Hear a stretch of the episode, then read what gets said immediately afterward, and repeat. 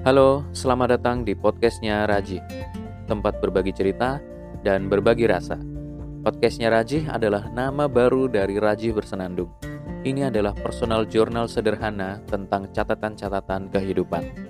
Anggap saja ini dongeng sebelum tidur, atau sekadar menjadi teman Anda yang suka ngoceh di perjalanan. Ya, yang penting berusaha menghibur sambil mencoba nyampein sesuatu yang mudah-mudahan bermanfaat. Episode ini adalah bagian dari tantangan 30 hari bersuara 2022 yang diselenggarakan oleh komunitas The Podcasters Indonesia. Selamat mendengarkan.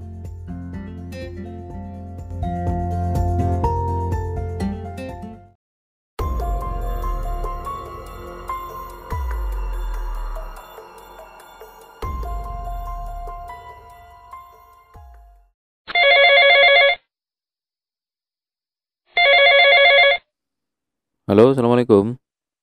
Waalaikumsalam. Piye kabare? Apik sih. Sopo iki? Aduh, mosok wis lali rek. Iya, sopo dhisik? Mosok wis lali ambek konco wah. Gak setia kawan. Iya, sopo? Mosok wis lali awakmu. Sik, sik. Konta. Iya, mosok wis lali rek. Ya apa saiki wis sukses koyo Yo enggak, biasa ae. Kenapa, Ron? iki lho. Aku perlu bantuan iki. Bantuan apa? Aku perlu duit. Gawe nukokno tiket pesawat. Wong tuaku pengen numpak pesawat nang Pineng. Jarine lek aku gak nukokno tiket pesawat, aku dihapus teko kakak. Waduh, Ono gak? gak ono rek. Aku kan gak duwe duit. Walah. Yo jaluk tolong sapa ngono golekno, silihno dhisik. Sesuk tak balekno. Temenan kon? Iya. Sesuk tak balekno. Oke lah. Yo wis engko lek misale aku sentuk tak hubungi. Oke, suwun ya. Oh iya.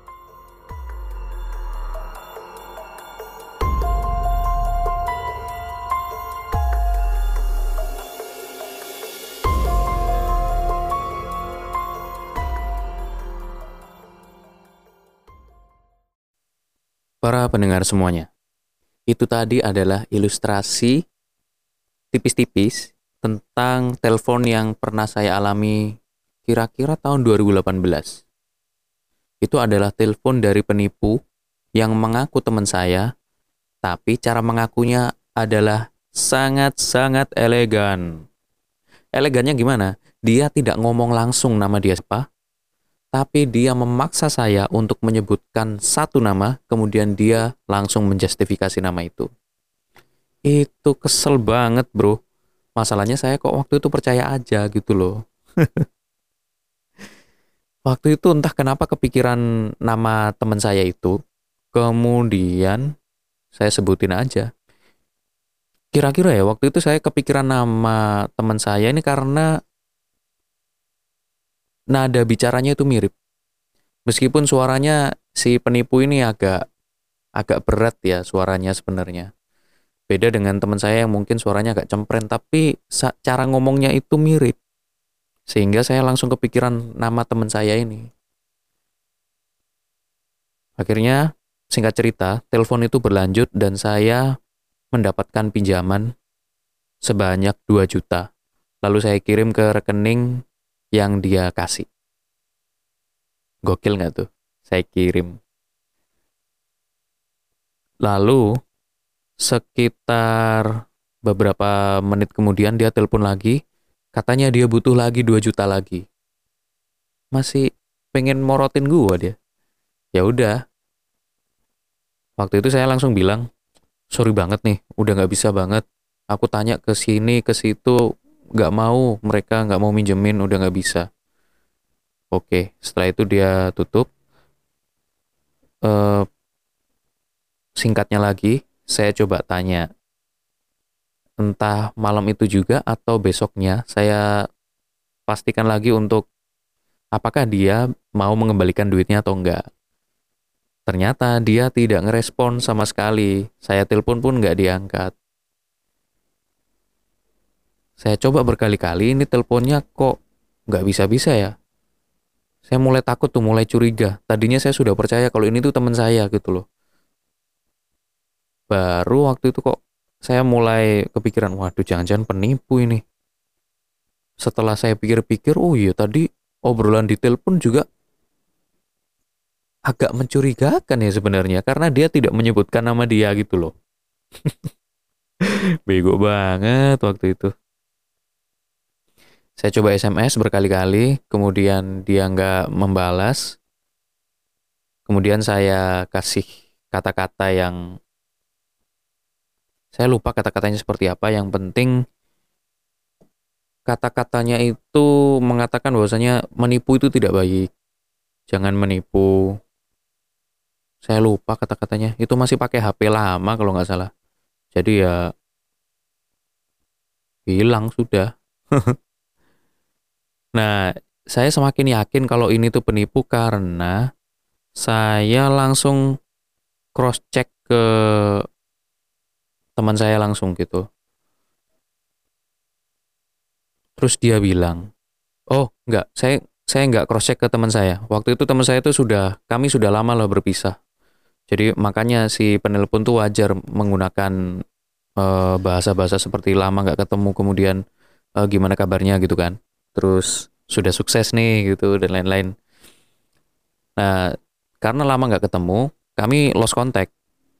Saya dan kawan-kawan satu komunitas tuh lost contact sama dia gitu loh. Yang saya punya adalah nomor ibunya dia. Lalu saya teleponlah nomor ibunya dia.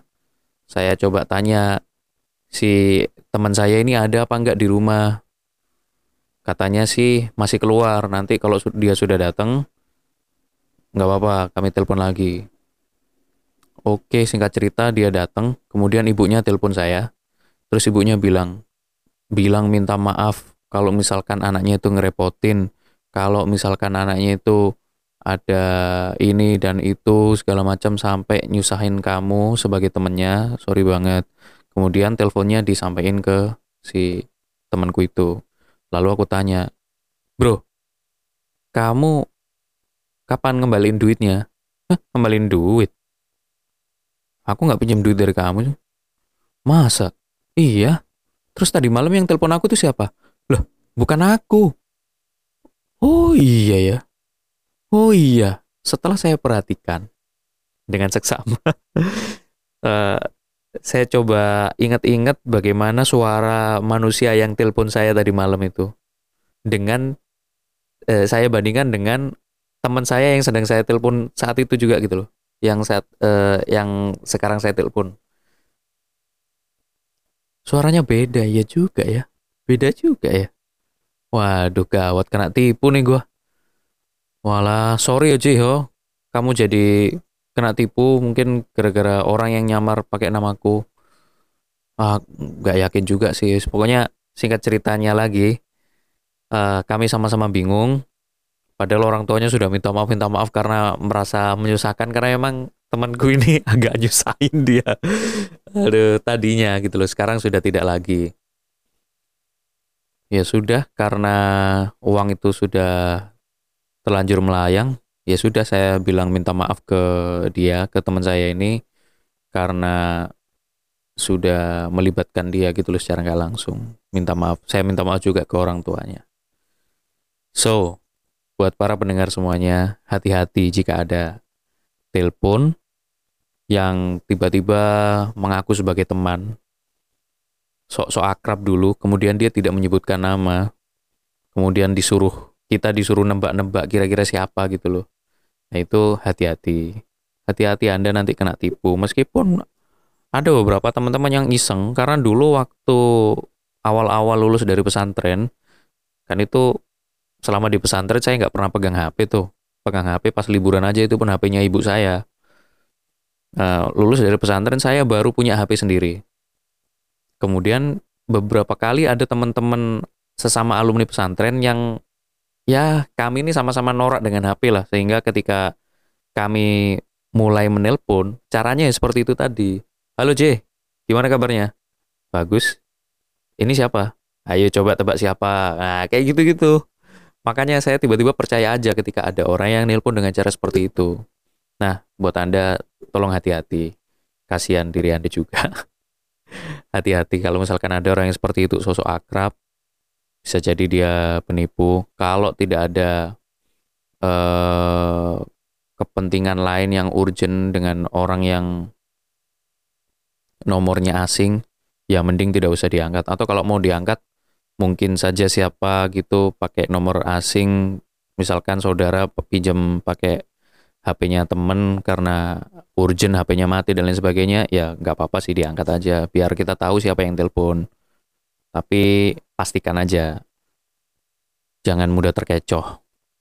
Pastikan dia ngomong dulu dia tuh siapa gitu loh kalau dia ngomong ini bapak, ini adik, ini ibu, ini siapa, tapi kita tahu bahwasanya bapak kita ada di samping kita, ibu kita ada di samping kita, berarti itu orang nipu sok-sokan. Karena beberapa kali itu akhir-akhir ini ada orang yang nelpon dengan kedok dia kecelakaan kah? Atau dia uh, ketangkap polisi sehingga kita sebagai anggota keluarga itu disuruh uh, nebus gitu. Nebusnya banyak 30 juta kah atau berapa?